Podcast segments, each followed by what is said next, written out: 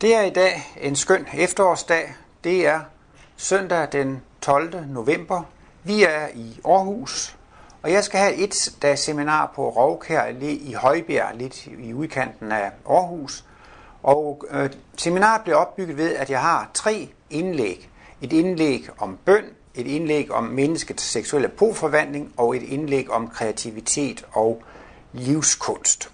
Og det indlæg, som vi skal høre nu, det handler om menneskets seksuelle boforvandling. Vær så god. Og øh, jeg vil gerne komme med et indlæg omkring menneskets seksuelle polforvandling. Og øh, som jeg har lagt op til, så skal det jo være guddommen, som er det grundlæggende tema i forbindelse med de tre emner, jeg tager op her på øh, et dags seminariet i dag. Ikke sandt? Det var altså bønden og kreativiteten og seksualiteten, så det synes jo at være tre vidt forskellige områder, men jeg håber, jeg kan kæde det sammen ved hjælp af guddomsbegrebet. For det første, så kan man jo spørge sig, hvad er seksualitet for noget? Og Martinus han er jo kendt for at have meget brede definitioner af tingene. Og øh, enhver livsoplevelse, den består jo i, at man møder nogle energier udefra. Og øh, man kan jo dele universet i to dele. Det er mig selv, og så er det alt det, der er udenom. Pete Hein, han har også sådan et vers om et lille, hvad hedder det, gruk, sådan et filosofisk lille digt om vi verdenscentre. Han siger jo også, at jeg er verdens midtpunkt. Og det er jo ikke nogen hasarderet dom, fordi jeg slutter mig til det ganske logisk, resten er jo udenom. og øh, det er altså det, altså, det lyder også lidt egoistisk eller lidt egocentreret, men i virkeligheden så er der bare mig selv, og så er der resten, som er udenom. Og jeg består af nogle energier, og omgivelserne består af nogle energier. Så er det jo klart, når omgivelsernes energier berører mig, så opstår der en reaktion, og denne reaktion, det er livets oplevelse. Det kan være, at der falder lidt lys på nethinden, og det kan komme lidt ind i, i øret og, og berøring på huden, men altså al livsoplevelse, det er udtryk for en berøring af to energiformer. Det er omgivelsens energi, der rører ved min energi. Og på den måde, så vil jeg jo simpelthen definere seksualitet. Martinus siger lige frem, al livsoplevelse er seksualitet. Og det vil altså simpelthen sige, at seksualitet, det er nydelsen ved berøring med en anden energi. Seksualitet, det er simpelthen det, at mine energier rører omgivelsernes energi, og den livsoplevelse skulle jo gerne være udtryk for behag. Og i alle fald, så har alle levende væsener det til fælles, at de stræber efter at opleve behag, og de stræber efter at undgå ubehag. Og det er også det, der ligger i kampen for tilværelsen. Så siger Martinus, at øh, det er jo klart, at, at øh, når han nu siger, at al livsoplevelse er seksualitet, så er det jo alligevel en forskel på almindelige livsoplevelser og, og, og på, på, på intime seksuelle øh, kontakter. Men i princippet er det det samme. Et hvert levende væsen søger i sin kontakt med de omgivende energier at opleve nydelse og behag. Så det er kun en gradsforskel imellem øh, seksuelle oplevelser og så generelle livsoplevelser. Men det hele går ud på det samme. Jeg har et samvær med omgivelserne, og det skulle altså gerne udtrykkes på en behagelig måde. Så man kan jo sige, at al livsoplevelse er faktisk udtryk for en seksualitet med guddommen. Men det interessante er jo også, at hvis man har seksualitet med et andet menneske, så har man faktisk også seksualitet med en celle i guddommens organisme. Så på den måde, så er det jo faktisk altså også en gudskontakt, fordi man har kontakt med et væsen i hver gang man har seksualitet. Det er selvfølgelig også en lidt fremmed tanke, men altså, hvis man nyder en seksuel akt, så er det jo faktisk altså også en gave fra forsynets side. Altså guddommen har givet en en, en celle, som, som kan kærtegne en, så det er jo også. Men ikke nok med det, så taler Martinus altså om, at man lige frem i den seksuelle udløsning oplever Guds ånd. Så han siger altså, når man får en, en, en seksuel øh, udløsning, en seksuel højdepunktsoplevelse, den, den lykke og den glæde og den salighed, man oplever i det seksuelle, det er en oplevelse af Guds ånd. Og Martinus har tegnet et symbol over, hvordan det går til, når man inkarnerer, altså når man bliver undfanget. Og det der symbol af undfangelsen hedder så også øh, undfangelsen, eller Guds ånd i mørket. Martinus han har også talt en hel del om kærtegns seksualitet, og jeg har fået lov til at, der kan man også blive kærtegnet af en hånd. Og så skulle jeg arbejde med et af Martinus efterladte manuskripter, og så han jo skrev på skrivemaskinen, og så smutter fingeren en gang imellem. Og så stod det så i det, de der manuskripter, der stod så Guds hånd i mørket. Så tænkte jeg bare, er det nu Guds kærtegnende hånd i mørket, eller er det ikke Guds ånd i mørket? Jeg synes altid, han taler om Guds ånd i mørket, så og det der håb var ikke så tydeligt, men det bliver sådan lidt et interessant problem. Om den der seksuelle akt nu var udtryk for Guds hånd i mørket, eller, eller, eller det var Guds ånd i mørket.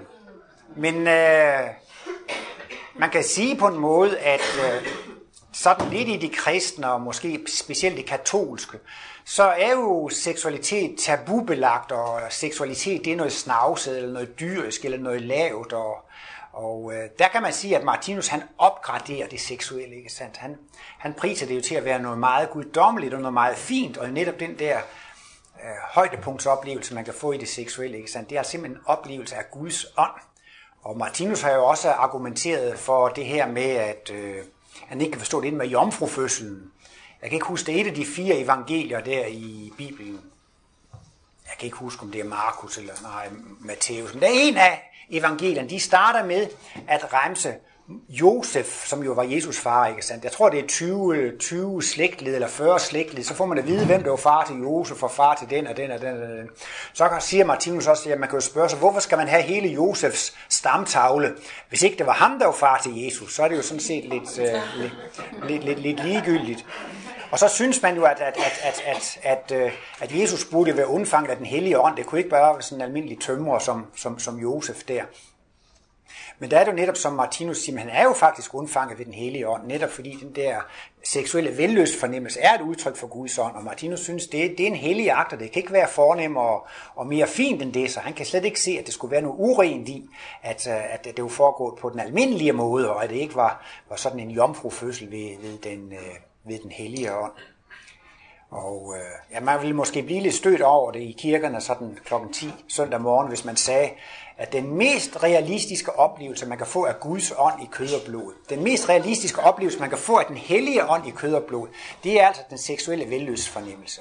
Men sådan ser Martinus ikke desto mindre på det. Og øh, det er måske også for alligevel forklaring på, at det betyder så meget. Selv i øh, dyreriget Øh, spiller parringen jo en stor rolle. Øhm, og det er altså det store lyspunktsoplevelse. I det mest mørke tilværelsesplan, dyrerige, der er der altså et lys. Man kan sige, at det er jo en alles kamp mod alle. Alle kæmper mod hinanden om ressourcerne. Men så har man jo lige parringen og afkommet. Der kan man godt have et lille lokalt paradis i forbindelse med, med familielivet og parringen og afkommet. Så der er sådan et lille lokalt paradis. Og der kan man så altså opleve lidt af, af Guds lys.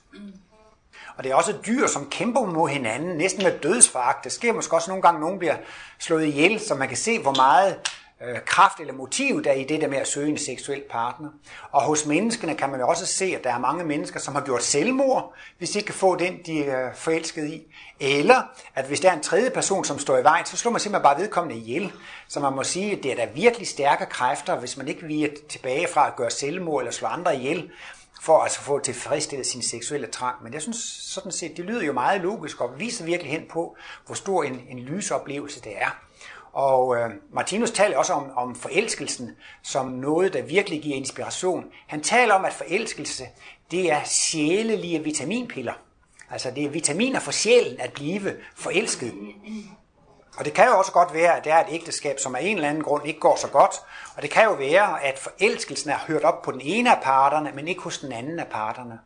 Og det kan jo så faktisk føre til, at ægteskabet føles som en ørkenvandring for den part, som ikke er forelskelse længere. Og vedkommende kan faktisk godt komme i lidt sjælelig vitaminmangel på grund af denne ørkenvandring i ægteskabet, fordi vedkommende føler måske ikke nogen særlig seksuel tiltrækning til partneren og er alligevel tro, så bliver det jo lidt af en ørkenvandring. Men derfor kan det netop også godt ske, at sådan et ægteskab bliver afbrudt ved en utroskab, ikke sandt? Fordi på grund af den sjælelige vitaminmangel, kan vedkommende jo nemt falde for fristelsen til at blive forelsket i en anden. Jeg har nu ikke studeret det, men der er en italiener, som hedder Alberoni, som har skrevet en hel del om forelskelse. Og øh, han er inde på at have nået frem til, at de stærkeste forelskelser, man får, dem får man efter en down-periode, hvor man har været nede, hvis man har været trist og ked af det. Og det synes jeg også lyder logisk. Altså hvis man virkelig har været ensom og langt nede, eller måske været igennem sådan en sjælelig ørkenvandring, så er det jo altså virkelig et lys og, og, og, og og altså, man, man, ja, man kan sige, hvis man er lidt træt og lidt deprimeret, så går man rigtig og fantasere og har romantiske forestillinger om at træffe den eneste ene, og det betyder utrolig meget. Så hans teori var i hvert fald, at de stærkeste og de kraftigste forelskelser, de kom efter sådan en, en, sådan en periode, hvor man har været noget nede. Det kan også godt være, lad os nu sige, at man er lykkelig og glad og harmonisk, og det kører bare, og man har succes, og det passer.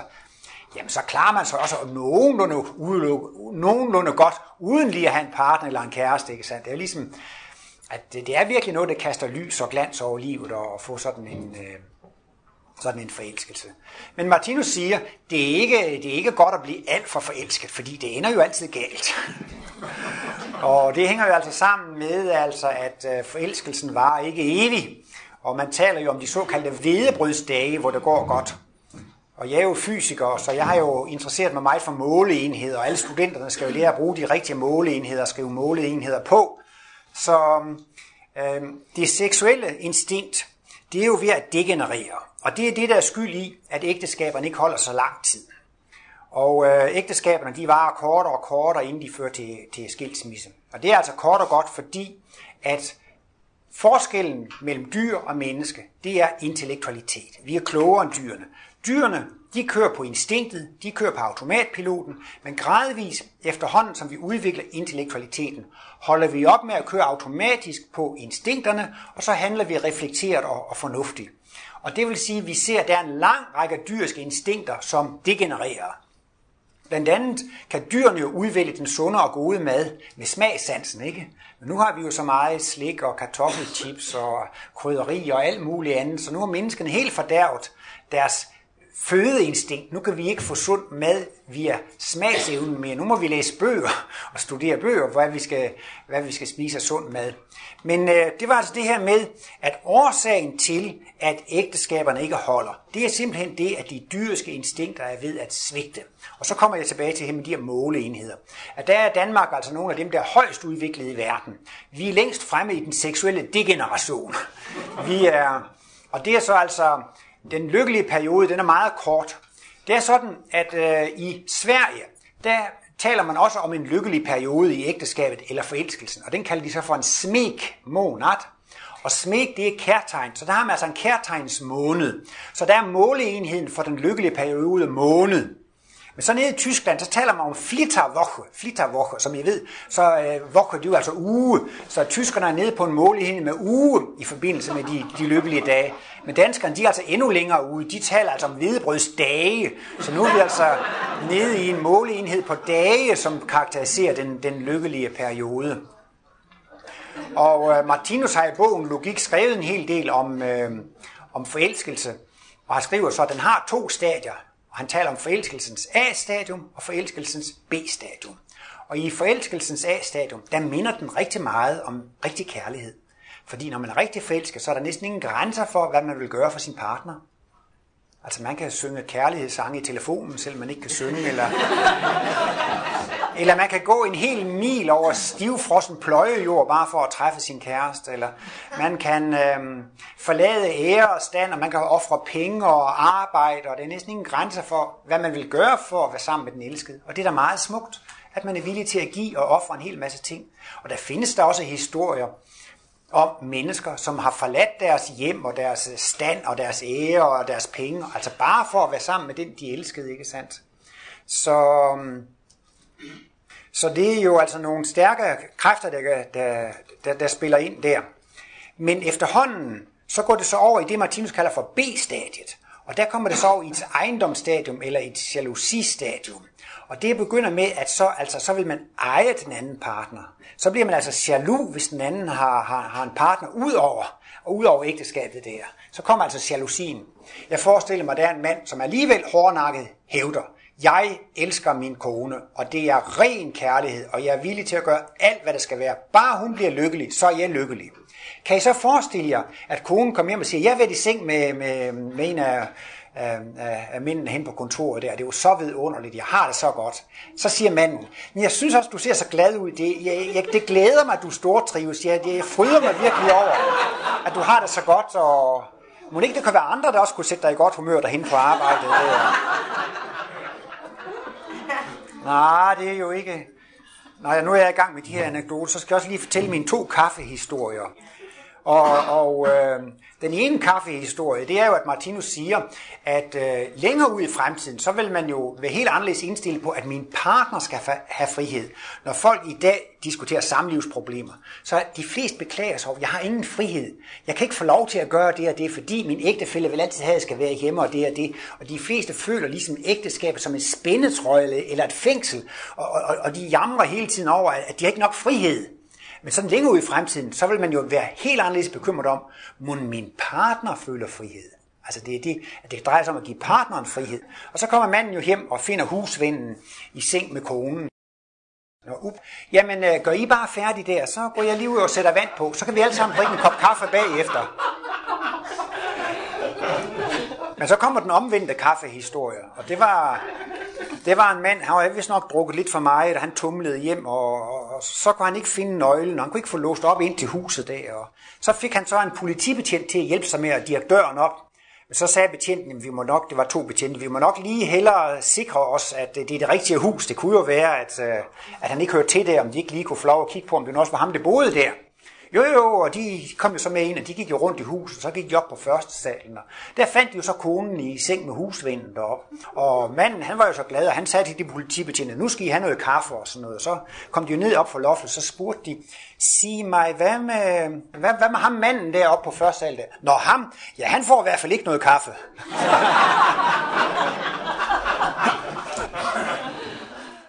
Nej, men altså, en ting er helt sikkert. Jo mere forelsket man kan blive, jo mere jaloux kan man blive. Det er altså bagsiden af medaljen. Så det vil altså sige, at hvis man er kanon forelsket, rigtig forelsket, så siger Martinus, at man kan være sikker på, at det ender galt. Ikke? Altså instinktet det er så kortvejet, og perioden er så kortvejet, så det ender galt, så, og øh, så kan det altså også ende med en kolossal øh, jalousi-fornemmelse, ikke sandt, når, når det går galt. Så øhm, i dag så er det jo også nogle lange, lykkelige ægteskaber. Jeg så engang sådan en, en, en artikel i Politiken, og det var, at øh, nu var det lige frem jo blevet et særsyn, at man kunne have et langt og et lykkeligt ægteskab. Så derfor øh, havde Bo Bøjsen, han er jo den humoristiske tegner, han har lavet sådan en tegning af et lykkeligt ægtepar, som inde psykologen. Og så spørger psykologen jo, hvordan, hø, hvordan føles det at høre til en seksuel minoritet? Fordi hvis man har sådan et langt og et lykkeligt ægteskab, så mente man, at man hører til en seksuel minoritet. Men det man så fandt ud af, at det der faktisk holdt de lange og lykkelige ægteskaber sammen, det var i det lange løb egentlig ikke selve forelskelsen og seksualiteten, men det var faktisk det, at de havde interessefællesskab, de havde noget hobby, de havde nogle interesser, de gik op i, ikke? Og det er jo så også det, Martinus begynder at, at kalde de menneskelige værdier, de, de, de humane værdier. Og øh, der er det jo, Martinus taler om, at alle levende væsener har to poler i sig, men i dyreriet, så er den ene pol sovende eller latent, og så fremtræder man som han og hun, eller som mand og kvinde. Og der kan man så blive sådan et kunstigt dobbeltpolet væsen. Det hedder sig jo i Bibelen, at manden skal forlade sin hustru. Nej, det skal... ja, hvad, hvad hjertet er fuld af, løber munden over med. Nej, det står i Bibelen, at manden skal forlade sin fader og mor og holde sig til sin hustru. og de skal blive et kød.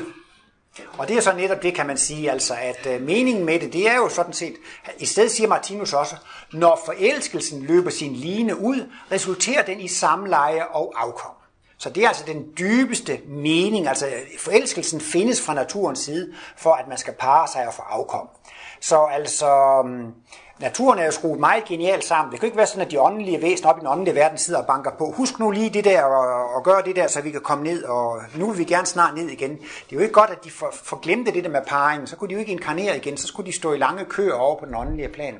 Men der er ingen risiko for, at folk glemmer det der med, med, med, med parringen.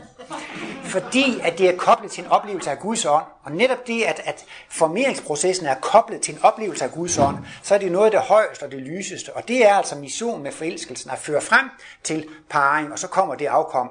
Men altså på lidt sigt kan man sige, at, at der er altså så to ting, som er kombineret i den samme handling. Den ene, det er lysoplevelsen, behagsoplevelsen, og den anden er formeringen, ikke sandt? Og de er så pakket sammen.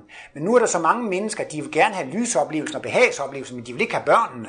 Og Martinus har lige frem sat sig ned og lavet et regnestykke i livets bog, bind 3, hvor han taler om, at lad os nu forestille os, at der er et ægtepar. Og lad os nu sige, at de har en seksuel akt en gang om ugen. Og det kan de måske have i 20 år. Så bliver det altså 20 gange 50, det er 1000. Så det ægtepar har måske haft 1000 samlejer, men det viser sig, at de kun får to børn. Det må man sige, det er jo en stor spildprocent. Det er jo ikke særlig effektivt kun at få to børn ud af tusind samlejer. Så det kunne jo være, at de har haft samleje af andre grunde, end at få børn. Og det er så netop, kom Martinus kommer ind på, de gør det jo netop for at få, for at få behaget og, og lyset. Og så er det jo ligesom, at menneskene er der ligesom inde på, at de, de godt vil adskille de, de to ting fra hinanden. Og i den forbindelse, så taler Martinus om to former for seksualitet. Han taler om en menneskeseksualitet og en dyrisk seksualitet. Og den dyriske seksualitet, den er ganske enkelt defineret som som samlejet.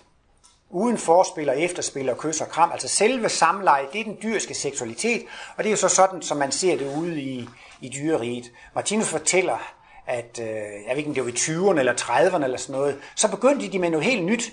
Martinus kan nemlig godt lide at gå i biografen. Så i filmen, så begyndte de med noget helt nyt. De begyndte med de lange kys. Og første gang de blev præsenteret, så sad jo folk der, kiggede bare på skærmen, det gik et halvt minut, de stod bare og kyssede hinanden. Det var virkelig en sensation, det var noget helt nyt. Hvad var det for noget?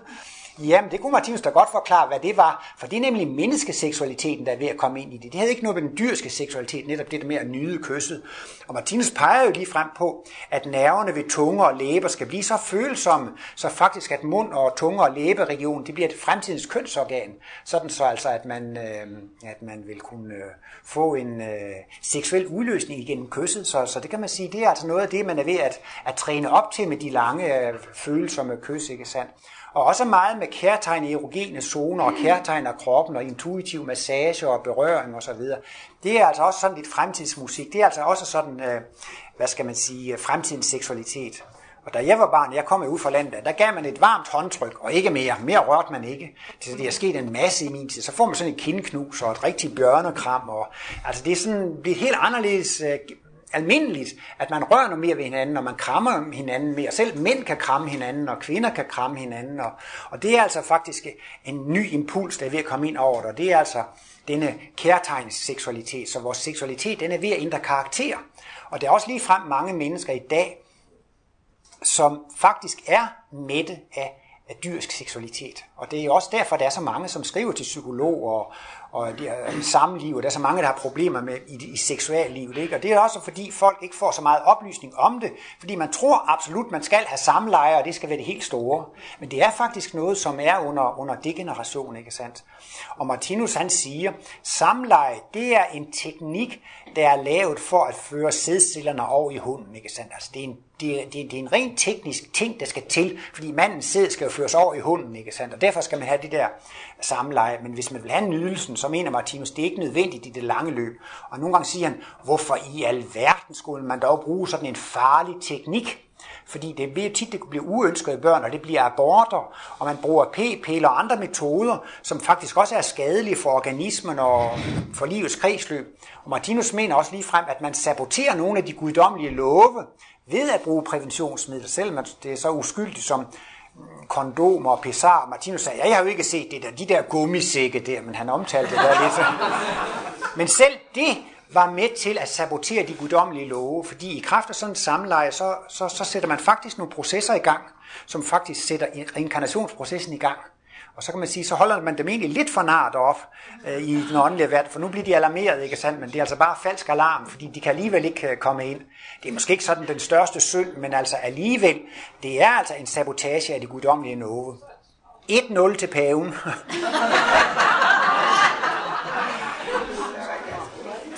Men så var der også en af mine kammerater, der kom og sagde, se her, hvad Martinus han har skrevet i slutningen af livets bog, min 4. Her står, at præventionsmidler er en guddommelig velsignelse. Jo, men så må man jo læse sætningen færdig, og så skriver han jo, at præventionsmidler er en guddommelig velsignelse, hvis alternativet er uønskede børn. Og det er jo, det, det er jo det, det næsten altid er Martinus svar. Man skal vælge det mindste af to onder. Og derfor kan det i mange tilfælde være et mindre onde at anvende præventionsmidler, end det der ellers måtte være alternativt. Altså det er jo endnu værre at få, få øh, gadebørn og børn, som det ikke er nogen, der gider tage sig af, eller øh, endnu værre, altså at børnene skal føle sig uønskede, eller det skal være abort, eller så videre. Det, det, det, er, jo, det er jo endnu dårligere løsninger, så man skal jo altid prøve at se, hvad det er det største, og hvad det, hvad det er det, det mindste onde. Og allerede i stykke 130 og 131 i livets bog tager Martinus op med, at der er faktisk nogen, som har følt i deres åndelige udvikling, at denne dyriske seksualitet kunne være en hæmning i deres øh, udvikling. Og derfor er det også i mange åndsretninger i Østen, og måske også i den katolske kirke, kommet ind det her med sølibatet, at, at man ligesom øh, følte, at det, det hæmmede lidt. Og øh, ja, nu er jeg måske lidt skrab, men I ved godt det der med, at hvis man ikke vasker op efter sig, så kommer man aldrig ud af dyreriget. men altså, man kan også sige, at hvis man ikke holder op med de dyriske traditioner, så kommer man ikke ud af dyreriget. Så, så på et eller andet tidspunkt, så skal man alligevel vende sig af med den dyriske seksualitet, hvis man vil ud af dyreriget. Dog skal jeg selvfølgelig sige, at altså, hvis man vil have børn, så anbefaler Martinus den gode gammeldags metode med samlejet. Han anbefaler ikke reagensglasbørn og kloning og alt sådan noget. Altså skal man have børn, så er det absolut metoden og vejen. Men altså, hvis man ikke er interesseret i at have børn, så anbefaler han noget, noget, noget kærtegnsseksualitet. Han taler om i fremtiden, at der vil komme en ny type ægteskaber. Mand og kvinde lever sammen med et intimt seksuelt liv, men de har ikke lyst til børn. Så det bliver en helt ny familiestruktur. De vil gerne have en partner, og de vil gerne have en seksualitet. Men det der med børneopdragelse, det har ikke deres interesse.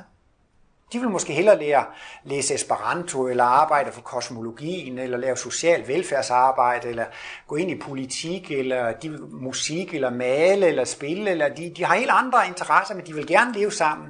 Og netop i sådan nogle sammenhænge der, så anbefaler Martinus altså, at, at, øh, at man dropper den styriske seksualitet. Men der er mange, der tror, at det er den eneste form for seksualitet, der findes. Og Martinus er jo også inde på, hvordan vores nervebaner og vores følsomhed vil blive udviklet, så der vil komme en helt anderledes uh, kropsseksualitet, også med kysset, altså man får en helt anderledes uh, fornemmelse af seksualiteten. Og så vil man slippe for at, uh, at uh, aktivere de dyriske instinkter. Jeg vil nok sige, at, uh, at den dyriske seksualitet, den danner baggrund for jalousifølelser. Martinus har måske udtrykt det sådan, men den påstand vil jeg nu godt våge, at har man samleje seksualitet, så aktiverer det en jalousifølelse. Og hvis man forlader den øh, dyriske seksualitet og går til kærtegns seksualitet, så vil man ikke blive så jaloux, som man ellers ville blive. Og I kender jo også sådan, hvis man kommer sådan, ja, hvad for sådan en lille alternativ kreds, ah, skulle du ikke lige have lidt massage på skuldrene, og ah, kan du ikke også lige massere mig lidt på ryggen, og så masserer man den og den, og det bliver man jo ikke jaloux over, det er ligesom bare en gave i det der, den der massage og kærtegn, jeg mener også næsten, at det, det må være familie med healing. Der er mange folk, der giver healing, ikke? Og ved en healingsproces sker der faktisk det, at man påfører andre en energi, man påfører andre en kraft i kraft af den healing. Og Martinus siger også, at i, sammen, i fremtiden, så vil seksualiteten være en energioverførsel. Man vil få kraft og energi ved, ved seksualiteten. Men i dag, så tager samleje seksualiteten jo altså kraften. I kan jo se, hvordan folk de falder om og falder i søvn efter sådan en anstrengende akt. Og det er altså heller ikke sådan helt tilfældigt, fordi altså, det tager energi, ikke sandt? Det er ikke nogen livgivende proces på den måde. Og det er måske også fordi, man skal præstere noget kraft for, at, at de der inkarnationsvæsener kan komme på banen. Hvorimod det andet der, så, så kan man så ikke falde i søvn, fordi at man har fået så meget kraft, energi i kraft af sådan nærmest en slags healing eller, eller, eller kærtegn. Så. Og Martinus taler jo også om, om seksualitet selv i de åndelige verdener. Kan man tale om aura-sex eller aura-seksualitet. Og det var også det, jeg startede med at sige, at seksualitet, det er jo en nydelse ved mødet med fremmede energier. Og der kan jo godt være en engel på det åndelige plan, som møder et andet engel på det åndelige plan, ikke sandt? Og så kommer de to aura i kontakt med hinanden, og de går ind i hinanden, og der kan komme en vidunderlig smuk udløsning af, af energi. Og der siger Martinus, ja, der bliver sex jo ikke noget, der skal foregå i skammekrogen, eller om i busken, eller om bag ved huset, eller det skal det ikke foregå i de skjulte. Der bliver seksualitet noget, der er helt offentligt. Netop altså, det kan være et vidunderligt smukt syn at se sådan to energiauraer øh, gå ind i hinanden. Og Martinus siger jo også, at det med seksualiteten, i virkeligheden vil man gerne gå ind i hinanden. Hvis man ser et ung par, de sidder omfavner, så knuger og krammer de hinanden og klemmer og Ja, så siger Martinus, at hvis det var muligt, så ville de være gået ind i hinanden, men det kan de ikke på grund af den fysiske krop. Men det kan man altså få lov til på, på, på det åndelige plan. Der kan man virkelig gå ind i hinanden, og så får man jo en vidunderlig oplevelse. Og så efter det, så kan det jo være, at man går videre, og så møder man en anden engel, og, eller en anden dobbeltpolvæsen, og, og så får man sådan, der er det ikke umoralsk at have mange partnere. Der, der er der måske lige frem sådan, at man har en ny partner hver gang. Så det bliver altså det, der bliver fremtiden. Men øh, just nu, så siger Martinus, altså hvad er moralsk og hvad er umoralsk? Det er ikke det umoralske at have mange partnere. Det er ikke umoralsk at have mange venner.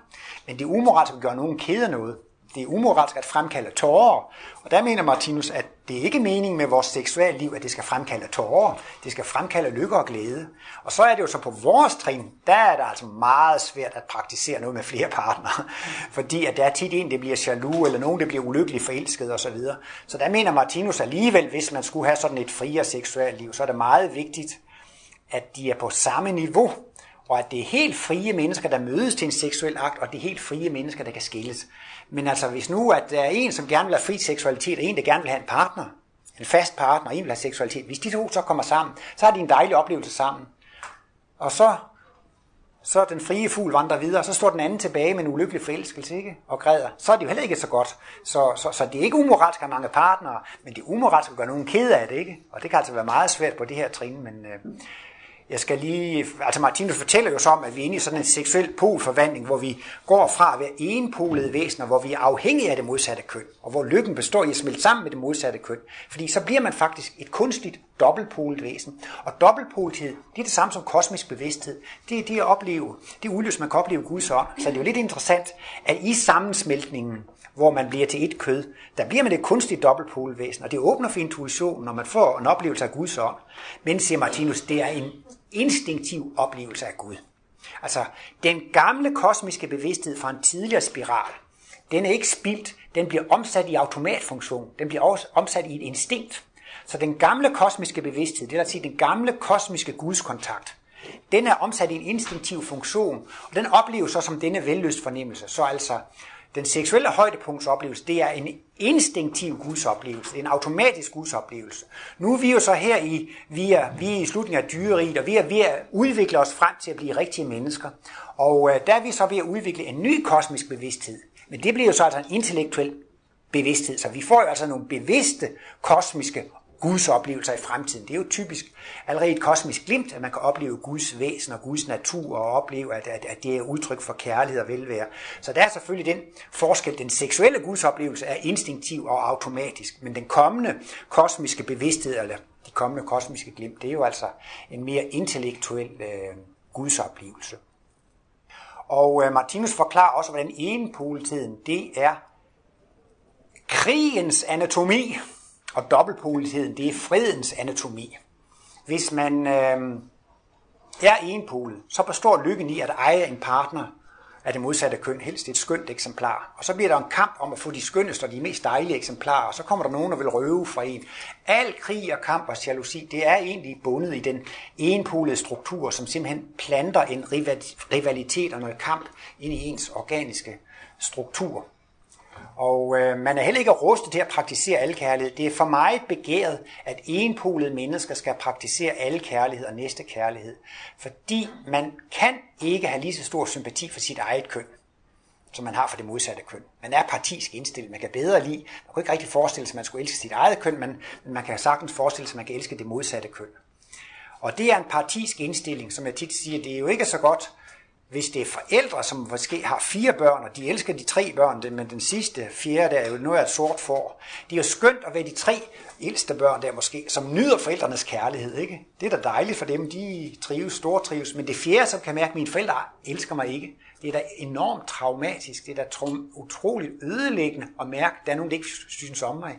Så sådan er det altså altid. Det kan være godt at have favoritter, men altså, det er ikke godt, at ens kærlighed tager parti for noget, ikke? fordi det er synd for dem, der ikke nyder sympatien. Og det er altså ikke noget at gøre, så længe man er enpolet, så har man kun en, en partisk kærlighedsevne, og derfor er det altså meget ugunstigt. Men hvis man er dobbeltpolet og har begge poler i balance, så kan man have lige meget sympati til begge køn, så at sige. Altså, så, så har man en universel kærlighed. Så derfor kan man ikke praktisere alle kærlighed og næste kærlighed, før man har den organiske struktur. Man kan ikke se uden øjne, man kan ikke gå uden ben, man kan ikke høre uden ører. Man skal have en organisk struktur til at udføre den her funktion. Og netop den funktion at udføre og praktisere næste kærlighed, det, det kræver altså en dobbeltpolet øh, organisme, en dobbeltpolet struktur. Og vi er så under forvandling fra enpoletid til dobbeltpoletid, og mennesket står altså i en forvandling, og øh, det er så en meget øh, vanskelig situation. Og det, der giver mange problemer, det er, at mand og kone ofte ikke er på det samme sted i poludviklingen. Og det kan altså så give store problemer. Og der siger Martinus så, at øh, de meget enpolede væsener, de har deres interesser i huset og hjemmet, man kan leve meget i familiesfæren, og det vigtigste det er, hvad man laver sammen med familien, og hvad man laver med børn, og husets indretning, og alt, altså hvad der er inden for hjemmets fire vægge. Det er det, er det der bæres af den, af den, øhm, af den øh, ene pol, og det er så også den seksuelle pol. Så er vi ved at udvikle en intellektuel pol, eller en modsat pol, og den står jo så netop for alle interesser, som ligger uden for hjemmets fire vægge.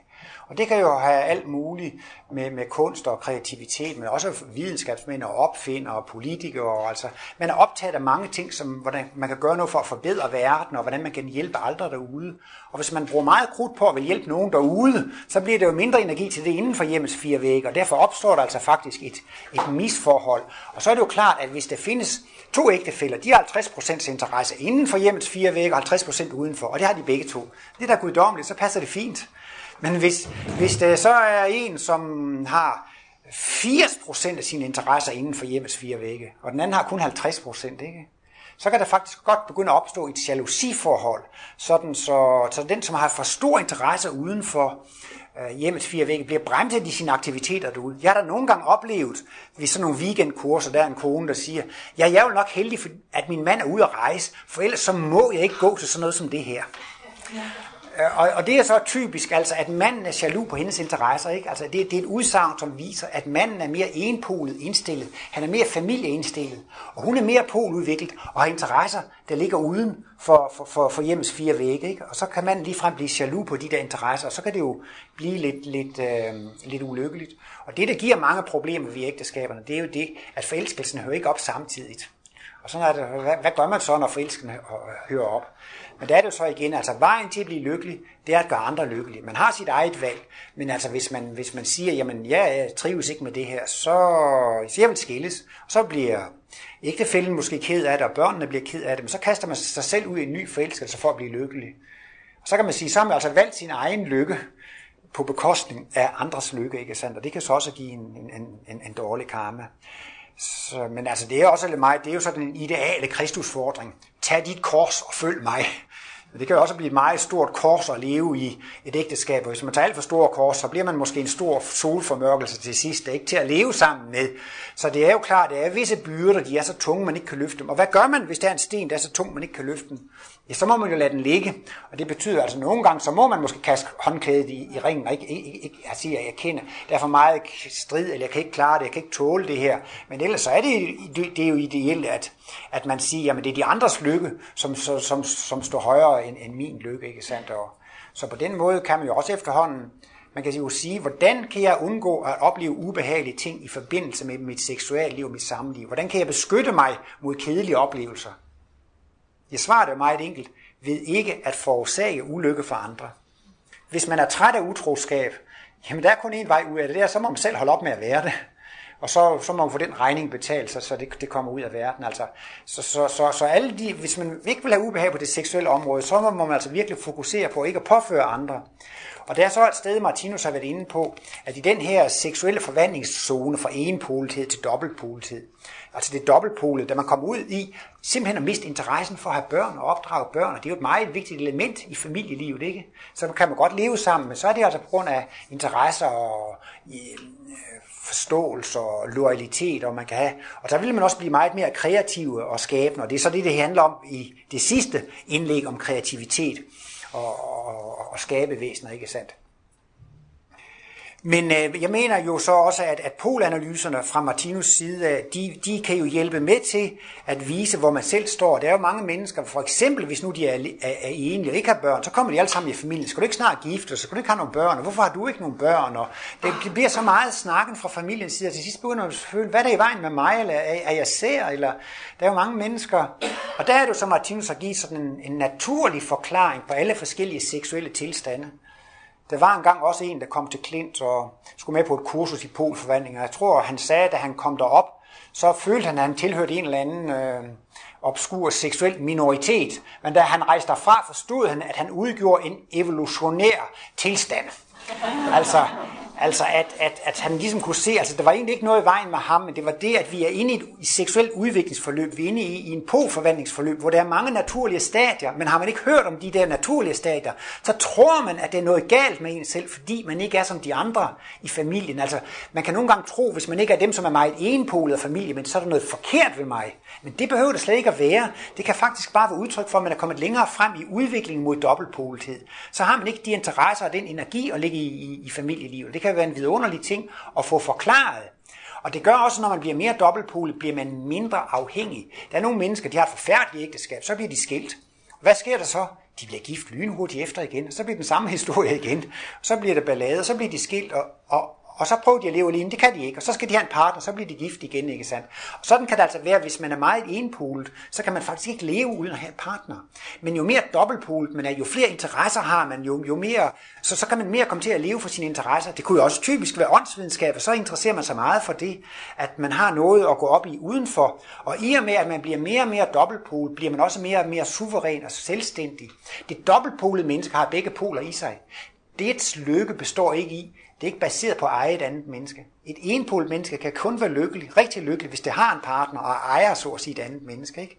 Så der er man jo på en måde et meget uselvstændigt. Ens lykke afhænger af at besidde et modsat væsen. Man er meget sårbar, og man kan blive kastet ud i ulykken. Bare ens partner forlader en, ikke? Altså man, man, er meget ude, man er kun et halvt væsen, et halvkønsvæsen. Men når man bliver dobbeltpolet, så er man mere suveræn så har man sine interesser, og Martinus blev også tit spurgt, Martinus, er du gift? Og til sidst blev han jo træt af, at de spurgte om det, så han fandt et svar. Og så blev han stadigvæk spurgt, Nå Martinus, er du gift? Ja, siger Martinus, jeg er gift. Jeg er gift med hele verden. Eller ja, jeg er gift med hele menneskeheden. Så det var jo også et meget smukt synspunkt, men alting kan jo også misforstås. Der var også en, der sagde, ja, Martinus han blev jo forelsket i alle mennesker. Men det er også det der med, at to, høn, to fire kan blive til fem høns. For det var ikke det, Martinus sagde, at han blev forelsket i alle mennesker. Han sagde, at han var gift med hele menneskeheden. Men Martinus havde sympati for alle mennesker. Han sagde også i et foredrag, der findes ingen grimme mennesker. Altså for Martinus var ingen grimme. Altså vi ser forskellige ud, har vores personlighed, ikke sandt? Men det er også netop det, det dobbeltpolede der, at man har den der evne til at have sympati og kærlighed for, for, for, for, for alle mennesker. Men der kan opstå utrolig mange besværligheder i denne seksuelle polforvandling. Og der er et sted i livets bog, bind 5, hvor Martinus skriver om en mennesketype, som er biseksuel. De kan have en periode, hvor de er forelskede øh, i det modsatte køn, eller er sammen med det modsatte køn. Ikke nødvendigvis forelskede, men, og de kan også have perioder, hvor de er sammen Ja, men både det modsatte og sit eget køn, og de kan være sådan lidt, lidt seksuelt svingende, og de er kommet langt ind i den her polforvandling. Og der skriver Martinus også sted, at man skal jo ikke være så bekymret for den her seksuelle polforvandling.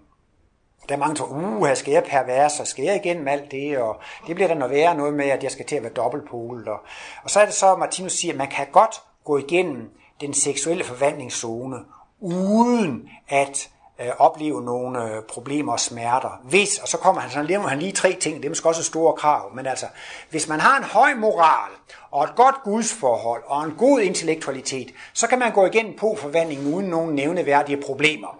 Men det er måske også lidt meget begæret. For det første, hvis man har en høj moral, så kan man gå igennem den seksuelle forvandlingszone uden problemer. Det betyder, at ens moral er så høj, at man indlader sig kun på seksualitet, som er til gavn og glæde og velsignelse for begge parter at, øh, at man, og Martinus siger, at et højere udviklet menneske vil hellere selv afstå fra seksualitet, end det vil udnytte andre. I dag er det jo også meget med at udnytte børn seksuelt og forføre børn osv., og, og det er meget ødelæggende for børnenes seksuelle struktur. Og det er jo et typisk eksempel på, at den voksne sætter tilfredsstillelsen af sit eget begær højest og blæser på, om det skader børnene. Ikke? Det kan man ikke kalde høj moral. Men det, der vil være høj moral, det vil være, at, et, at en voksen eller en højere moralsk udviklet menneske vil, vil jo kontrollere sin seksualitet, og vil ikke bringe den til udløsning, hvis det kunne skade nogen. Ikke? Og det er jo så klart, at hvis man har moralen med i sin seksualitet, så kommer man ikke til at skade andre, og så kommer man heller ikke selv til at opleve noget ubehageligt på, på den konto. Og så er det også igen, han siger, hvis man har et godt gudsforhold, og det betyder jo også, at hvis man gerne vil have en partner, og der er en vis mulighed der, ikke sandt, så skal man jo bede til Gud, at kun det bedste måske, ikke sandt? Og så skal man altså også bede til Gud om, at man kun kommer ind i det forhold, hvis det vil til gavn, glæde og velsignelse. Jeg havde en kammerat, som havde været alene i lang tid. Så var der lige et emne der, og så bad jeg nu til Gud om det. Og så blev det forhindret. Og så var det et nyt emne, og så bad han til Gud, at det kun skulle blive til noget, hvis det var til gavn og glæde for begge parter. Og så kom der også lige noget i vejen. Og det skete så tit, så, så sagde han, nu tror jeg snart, jeg holder op med at bede her om, at det kun det bedste måske der, fordi ellers så får jeg da aldrig en partner. Men øh, derfor kan det nu godt være alligevel, at han har sparet sig for, for, for mange ærgelser, ikke sandt? Og som jeg også har været inde på i mit indlæg omkring bønden, ikke sandt? Altså, man kan få en kolossal vejledning af guddommen, ikke sandt? Og hvis man selv har den indstilling, man må gerne bede om at få en partner, fordi man trænger til selskab. Man må gerne bede om at få en seksuel partner, fordi man trænger til seksualitet. Det må man gerne bede om. Men det er jo helt fantastisk, hvis det ligger det i det, at jeg beder om det også for at hjælpe andre, ikke sandt?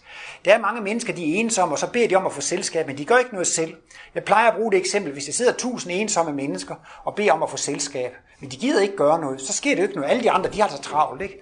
Men hvis det var de her ensomme mennesker, de sagde, jeg beder om at få selskab, men jeg vil gerne give selskab til andre. Jeg vil gerne byde på selskab til andre. Så kunne forskningen jo bare sende de 500 år til de andre 500. Så kan problemet løses rent praktisk. Men de der mennesker, som er alene, de beder om at få selskab, men de vil ingenting gøre. Så er det jo klart, så kan regnestykket ikke gå op. Og sådan kan det jo også godt være, hvis man savner en seksuel partner, eller en partner i det hele taget, så kan man også godt flytte ind i sin bøn. Jeg vil gerne hjælpe et andet ensomt menneske. Jeg vil gerne være til gavn og glæde for en anden en, som måtte savne en seksuel partner. Ikke? Så er det også helt anderledes velsignet på en måde, at man gør det ikke bare for sin egen skyld, og for sin egen seksuelle drifts skyld, og for sin egen tilfredsstillelses skyld, men det, at man også tager det med ind i sine overvejelser, at jeg vil også gerne gøre det for, for, for at hjælpe andre, så er det også helt anderledes øh, velsignet, ikke sandt? Så, så det kan man tage med i sin bøn, og man kan altså også få en guddommelig vejledning til, at man altså, hvad så at sige, ikke går ind i noget, som faktisk ikke vil være så godt, og, og man kan få lov at holde det tilbage. Og man får simpelthen alt mulig hjælp og vejledning, når man har en sådan moral, at man er villig til at træde lidt tilbage for at tilfredsstille sine egne øh, drifter, hvis, hvis, det vil man hellere afstå fra, hvis det kan skade andre. Og det var så det med, altså det er godt at have en høj moral og en god gudsforhold, og så en god intellektualitet, altså en god forstand, det er jo heller ikke, altså en god analyseringsevne kan jo også hjælpe meget. Der er sikkert mange, der har flere dårlige forhold, og så træffer man en partner, og så er det lige pludselig noget, der minder en om noget, som man har oplevet før. Og så kan man jo begynde at analysere situationen, og så kan man også undgå det. Og netop hvis en ved med sig selv, jamen jeg vil gerne have en seksuel partner, men jeg vil ikke have familie og børn. Og så melder der sig en mulighed, men vedkommende vil have familie og børn. Jamen så bør man da kunne regne ud, det skal man ikke indlade sig på. Fordi vedkommende, som vil have en partner, og når jeg ikke vil have partner, men bare have seksualitet, jamen så, så, så, så stemmer det da ikke i den sidste ende. Så bør man være klog nok til og ikke at gå ind i det. Så det vil altså også sige, at, jeg vil også sige, altså hele, og det er også det, I skal snakke lidt om i gruppen jo, altså at, at hele forståelsen af de kosmiske analyser, gør jo også, at man kan analysere tingene, ikke? Så man går ind i de rigtige forhold. Altså. Det, jeg synes, at det kan finde hjælp. Ja, men altså, den der partner er for dobbeltpole til mig, eller den partner er for enpole til mig, og jeg står der. Altså, man kan jo virkelig få et fantastisk redskab til at vurdere sig selv, og til at vurdere sin partner ud fra de her parametre, som Martinus har beskrevet ved, ved, ved, ved enpolethed og, og, og, og dobbeltpoletid. Så derfor har man altså fået en, en fantastisk gave og en fantastisk vejledning i, at Martinus virkelig har forklaret hele denne udvikling fra at være et, et egoistisk dyr til at være et alkærligt kristusvæsen. Tak.